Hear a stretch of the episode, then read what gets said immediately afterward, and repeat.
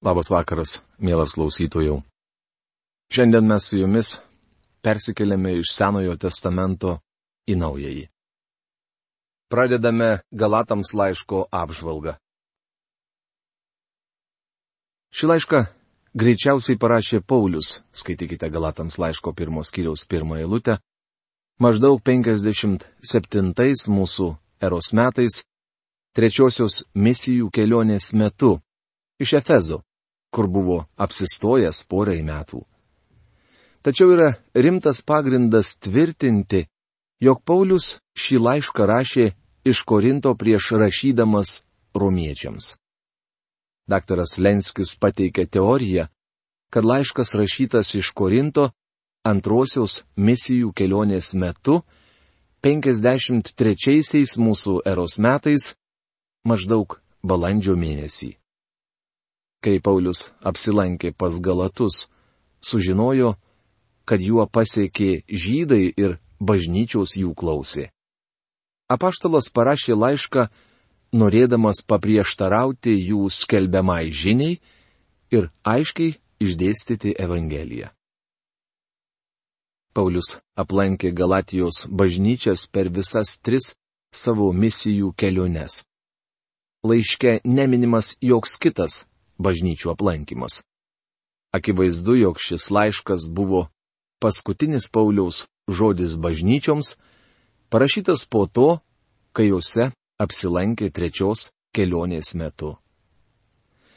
Laiške Galatams svarbus žmonės, kuriems jis buvo pasiustas, o kituose laiškuose dažniausiai būdavo kitaip. Dėl šio laiško tikslo kilo taip vadinamos Šiaurės Galatijos ir Pietų Galatijos teorijos. Atrodo, protingiau yra manyti, jog jis buvo pasiustas bažnyčioms toje vietoje, kurioje Paulius viešėjo per pirmąją misijų kelionę. Tačiau tai netrukdo daryti prielaidą, jog laiškas pasklido plačiau - į šiaurę iki Pesino, Ankiros ir Tavijaus.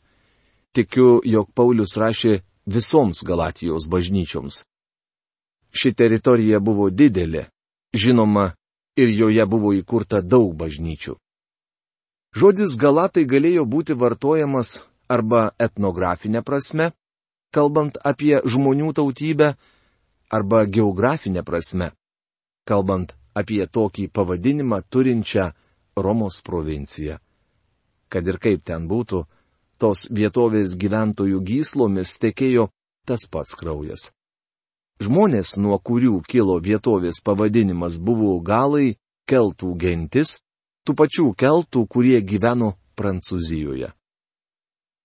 Ketvirtajame amžiuje prieš mūsų erą jie užkariavo Romos imperiją ir išplėšė Romą. Vėliau jie persikėlė į Graikiją ir 280 metais prieš Kristų užgrobė Delfį. Galai buvo karinga ir keliaujanti tauta. Pakvietus Bitinijos karaliui Nikomedui I, jie atsikraustė į Mažąją Aziją, kad padėtų jam pilietinėme kare. Greitai jie įsitvirtino Mažojoje Azijoje. Jiems ten patiko. Puikus klimatas, graži šalis. Kai lankiausi Turkijoje, buvau maloniai nustebintas, kokia jį graži palei Egėjo ir Viduržemio jūras, o taip pat ir krašto gilumoje. 189 metais prieš mūsų erą šios keltų gentys tapo Romos imperijos piliečiais ir taip susikūrė provincija. Per daugelį metų galai išlaikė savo papročius ir kalbą. Iš tikrųjų, jie buvo šviesia plaukiai rytiečiai. Bažnyčios, kurias Paulius įkūrė per savo pirmąją misijų kelionę, vienu metu priklausė Galatijos teritorijai, todėl Paulius paprastai šias bažnyčias ir vadino šiuo vardu. Galai keltai buvo panašaus temperamento ir būdo kaip Amerikos gyventojai, tai yra tie, kurie atvyko iš Europos ar Anglijos. Įdomu pastebėti, kas buvo sakoma apie mano ir galbūt jūsų protėvius. Dauguma šių germanų genčių buvo laukinės ir nuožmios. Cezaris apie jas pasakė, galų silpnumas pasireiškia tuo, kad jų sprendimai nepastovus, jie mėgsta permainas, bet to jais negalima pasitikėti. Šis apibūdinimas tinka daugumai mūsų dienų amerikiečių. Ir ne vien amerikiečių. Mūsų sprendimai nepastovus. Mums patinka permainos. Kiekvienais metais norime naujo automobilio. Mums patinka gauti ateinančios savaitės žurnalą. Kažkas aprašė juos kaip atvirus, karštus, jautrius, itin protingus, mėgstančius pasirodyti, tačiau visiškai nepastovius, kupinus besaikės tuštybės. Tai šių dienų Amerikos gyventojų paveikslas. Žmogus kandidatuoja ir mes už jį balsuojame, o po ketverių metų jį pamirštame. Ar pamenate, kas buvo prezidentas prieš dešimt metų? Arba prieš dvidešimt? Mes nepatikimi žmonės, nelabai pastovus. Esu nepaprastai laimingas, kad mus pavadino įtin protingais, nes ir mes apie save tokios pačios nuomonės. Tik save taip aukštai vertiname dėl besaikės tuštybės. Apaštalų darbų knygoje skaitome, jog Galatai vieną dieną norėjo paskelbti Paulių dievu, o kitą užmėti akmenimis. Kaip gelgiamės mes? Išrenkame žmogų prezidentu, o vėliau mėginame jį nužudyti. Man tik labai keista, jog mūsų valdžios sistema taip ilgai gyvuoja. Laiškas Galatams mums ypač svarbus, nes buvo parašytas žmonėms, kurie daug kuo į mus panašus. Visų pirma, savo temperamentu, o taip pat iš visų pusių jie buvo apsupti nesuskaičiuojamų kultų, kurie ir mus, panašiai kaip juos, nutolina nuo malonės Evangelijos. Pirma. Tai griežta, rūsti ir iškilminga žinia. Skaitykite Galatams laiško pirmos skyriaus 6-9 bei 3 skyriaus 1-5 eilutes. Šiame laiške nėra elgesio pataisimų kaip laiškuose korintiečiams, tačiau pats laiškas koreguojamasis. Galatijos tikintieji buvo patekę į rimtą pavojų, nes buvo atakuojami jų tikėjimo pamatai, dėl to iškilo grėsmė visam tikėjimui. Todėl laiške nėra nei pagirimų, nei liaupsių, nei padėkų. Nėra prašymo melstis, nepaminėta jų padėtis Kristuje. Niekas be Pauliaus nepaminėtas vardu. Palyginę šį laišką su kitais Pauliaus laiškais pamatysite, jog jis kitoks. Antra. Šiame laiške apaštalas Paulius apnuogina savo širdį, atskleidžia giliausius savo jausmus ir stipriausius išgyvenimus. Šis laiškas karingas. Paulius rašo kovinga dvasia. Jis netoleruoja legalizmo. Kažkas yra pasakęs, jog laišką romiečiams Paulius rašė iš galvos o laišką Galatams - iš širdies. Vienas teologas pasakė, laiškas Galatams kontroversiškai tęsia tai, ką laiškas romiečiams išdėsto sistematiškai. Trečia. Šis laiškas - tai išlaisvinimo nuo bet kokio legalizmo deklaracija. Įdomu tai, jog legalistai su galatais nepraleido daug laiko. Tai priekaištas jiems. Laiškas Galatams buvo mylimiausias Martino Liuterio laiškas. Jis sakė, tai mano laiškas. Aš su juo glaudžiai susijęs. Laiškas Galatams buvo reformacijos šerdis. Jis buvo vadinamas ankstyvosios bažnyčios Magna Karta - didžiaja laisvių hartija. Tai krikščionių laisvės manifestas, neįveikiama tvirtovė ir tikras Gibraltaras, kai puolama Evangelijos esmė. Kažkas yra pasakęs, šiame laiške nemirtinga pergalė. Tai laiškas sujaudinęs Džoną Vesley. Jis atvyko į Ameriką kaip indėnų misionierius, tačiau ten padarė stulbinantį atradimą. Jis pasakė, atvykau į Ameriką atversti indėnų. Tačiau kas atvers Džoną Veslį? Jis grįžo į Angliją, Londoną ir atsivertė. Kai nuvykau į Londoną, gidas nuvedė mus prie Albergsgato. Ten pamatėme rodiklę, kuria buvo pažymėta vieta, kur atsivertė Džonas Veslis. Jo atsivertimas buvo vadinamas evangeliniu, o Biblija ir kalba tik apie tokį atsivertimą. Pamokslaudamas iš laiško Galatams, Džonas Veslis išvyko pradėti prabudimo, kuris išgelbėjo Angliją nuo revoliucijos ir daugybę atvedė prie gelbstinčio Kristaus pažinimo. Wilberforcas, vienas tų, kurie per jį atsivertė, daug prisidėjo prie vaikų darbo panaikinimo ir industrinės revoliucijos, kuri darbininkų gyvenime daug ką pakeitė. Tam tikrą prasme tikiu, jog šis laiškas buvo visų didelių dvasinių judėjimų ir prabudimų, kurie vyko per pastaruosius 1900 metų pagrindinė jėga ir prielaida. Mano draugė, jis bus ir kitų prabudimų prielaida. Norėčiau matyti, kaip Dievo dvasia šiandien veikia mūsų šalyje. Norėčiau išgirsti, kaip Amerikai paskelbiamas laiškas Galatams. Tikiu, jog tai žmonių gyvenimuose padarytų revoliuciją. Ir ketvirta.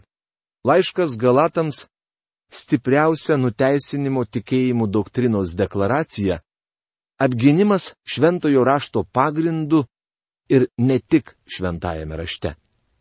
Jame Dievas apgina nuo bet kokio puolimo svarbiausią krikščioniško tikėjimo tiesą. Nusidėjėlis ne tik išgelbėjimas malonę per tikėjimą, bet išgelbėtas nusidėjėlis gyvena malonę. Malonė - kelias į gyvenimą ir gyvenimo kelias. Beje, šie du dalykai neatskiriami. Galatams laiško planas. Pirma romėniškai pratarmė. Pirmas skyrius. Pirma dešimta eilutės. A. Pasisveikinimas. Ramus kreipimasis. Pirmas skyrius. Pirma penkta eilutės. B.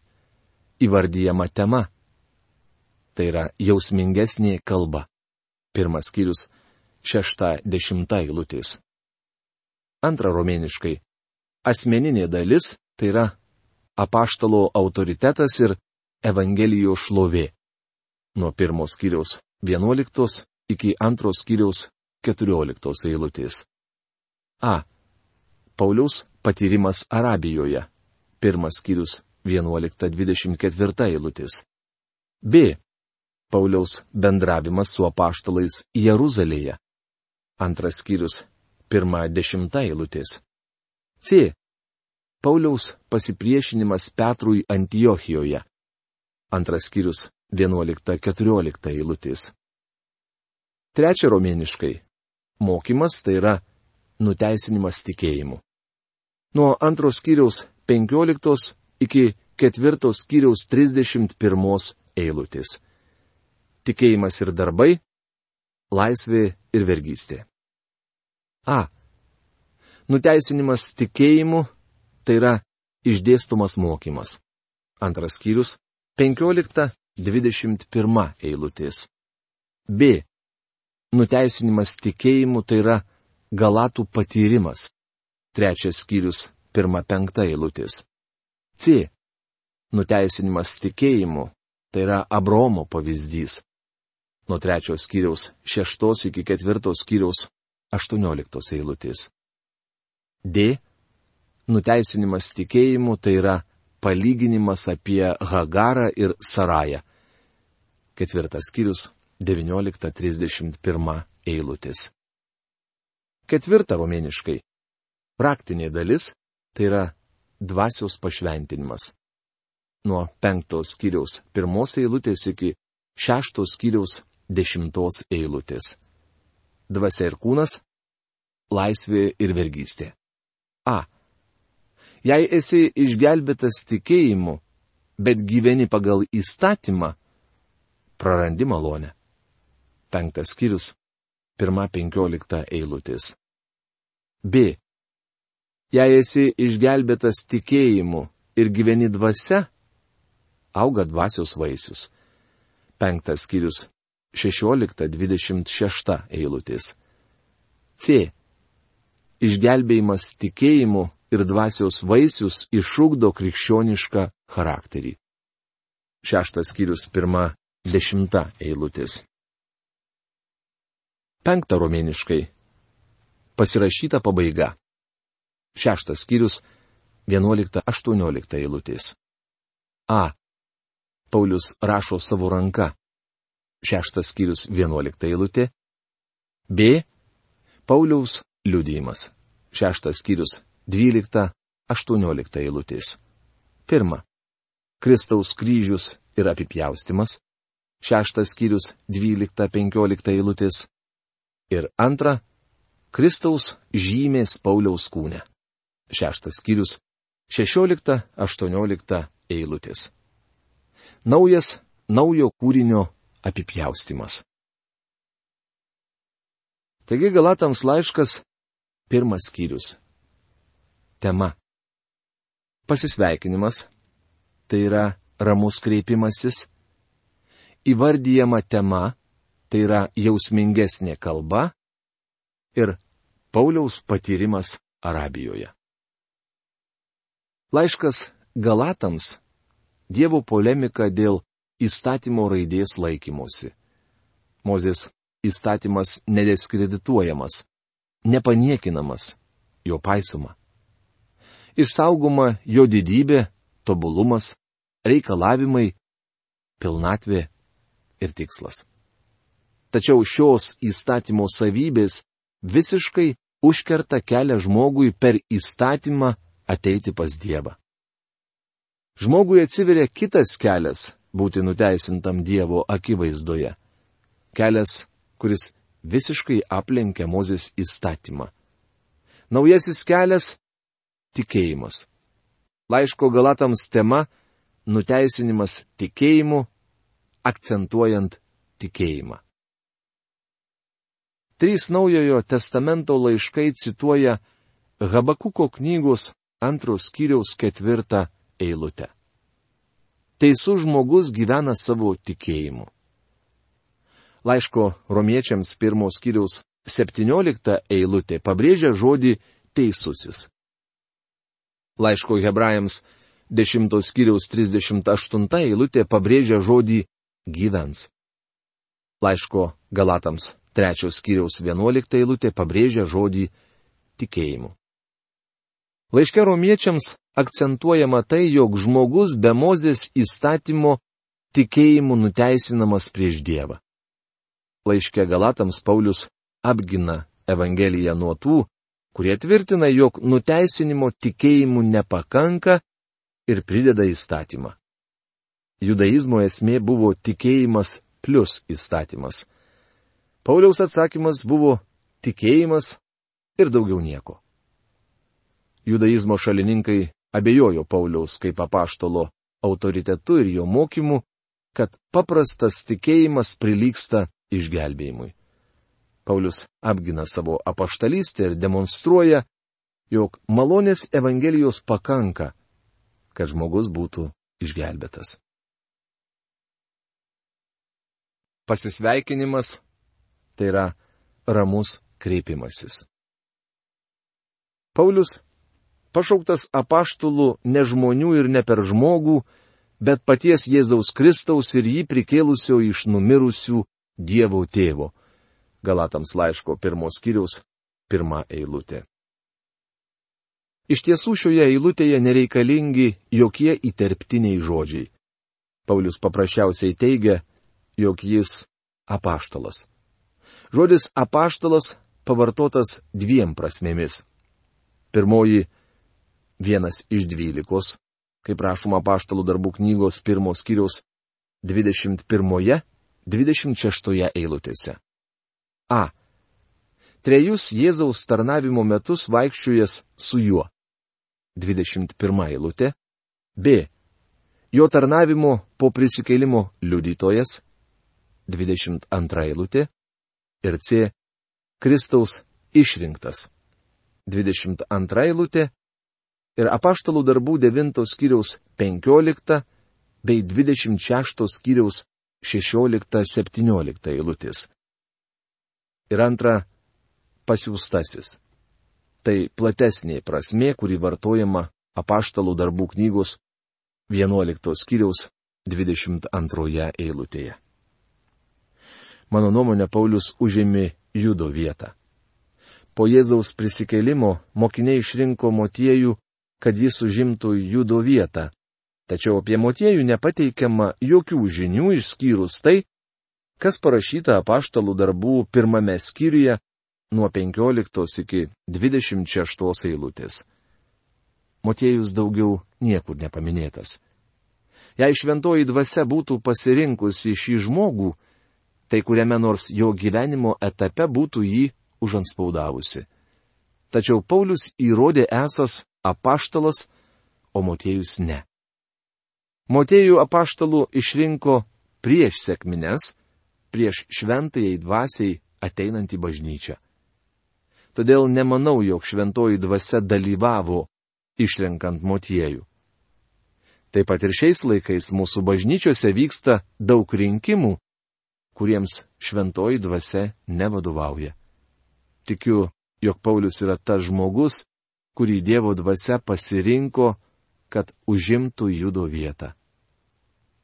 Šioje eilutėje Paulius tvirtina, jog jis ne iš žmonių. Prielinksnis apo atskleidžia frazės ne iš žmonių prasme. Tai reiškia, jog jis tapo apaštalu ne pagal įstatymo raidę, ne pagal paskirimą arba įgaliojimą, pabaigęs mokyklą arba išklausęs tam tikrus kursus. Paulius taip pat skelbia, kad jo apaštalystė ne per žmogų. Prielinksnis die nurodo, jog tai įvyko ne per žmogų, tai yra nerituališkai uždedant rankas, kaip tai daro vyskupas ar bažnyčios taryba. Kiti apaštalai neuždėjo rankų Pauliui ant galvos ir nepasakė, Abrakadabra, tu esi apaštalas. Paulius buvo apaštalas. Kokiu būdu? Jis buvo Jėzaus Kristaus ir Dievo tėvo, kuris prikėlė jį iš mirusiųjų apaštalas. Jėzus uždėjo savo ranką ant Pauliaus, pašaukė jį ir paskyrė tarnavimui. Apie tai skaitykite apaštalų darbų knygos 9 skyriaus 15-16 eilutėse. Ašgi esu žmonių ir per žmonės išventintas tarnautojas. Man buvo pasakyta, jog jei noriu būti išventintas, turiu baigti seminariją ir gauti tam tikrą laipsnį. Aš taip ir padariau. Tai buvo iš žmonių pagal įstatymą, pagal raidę.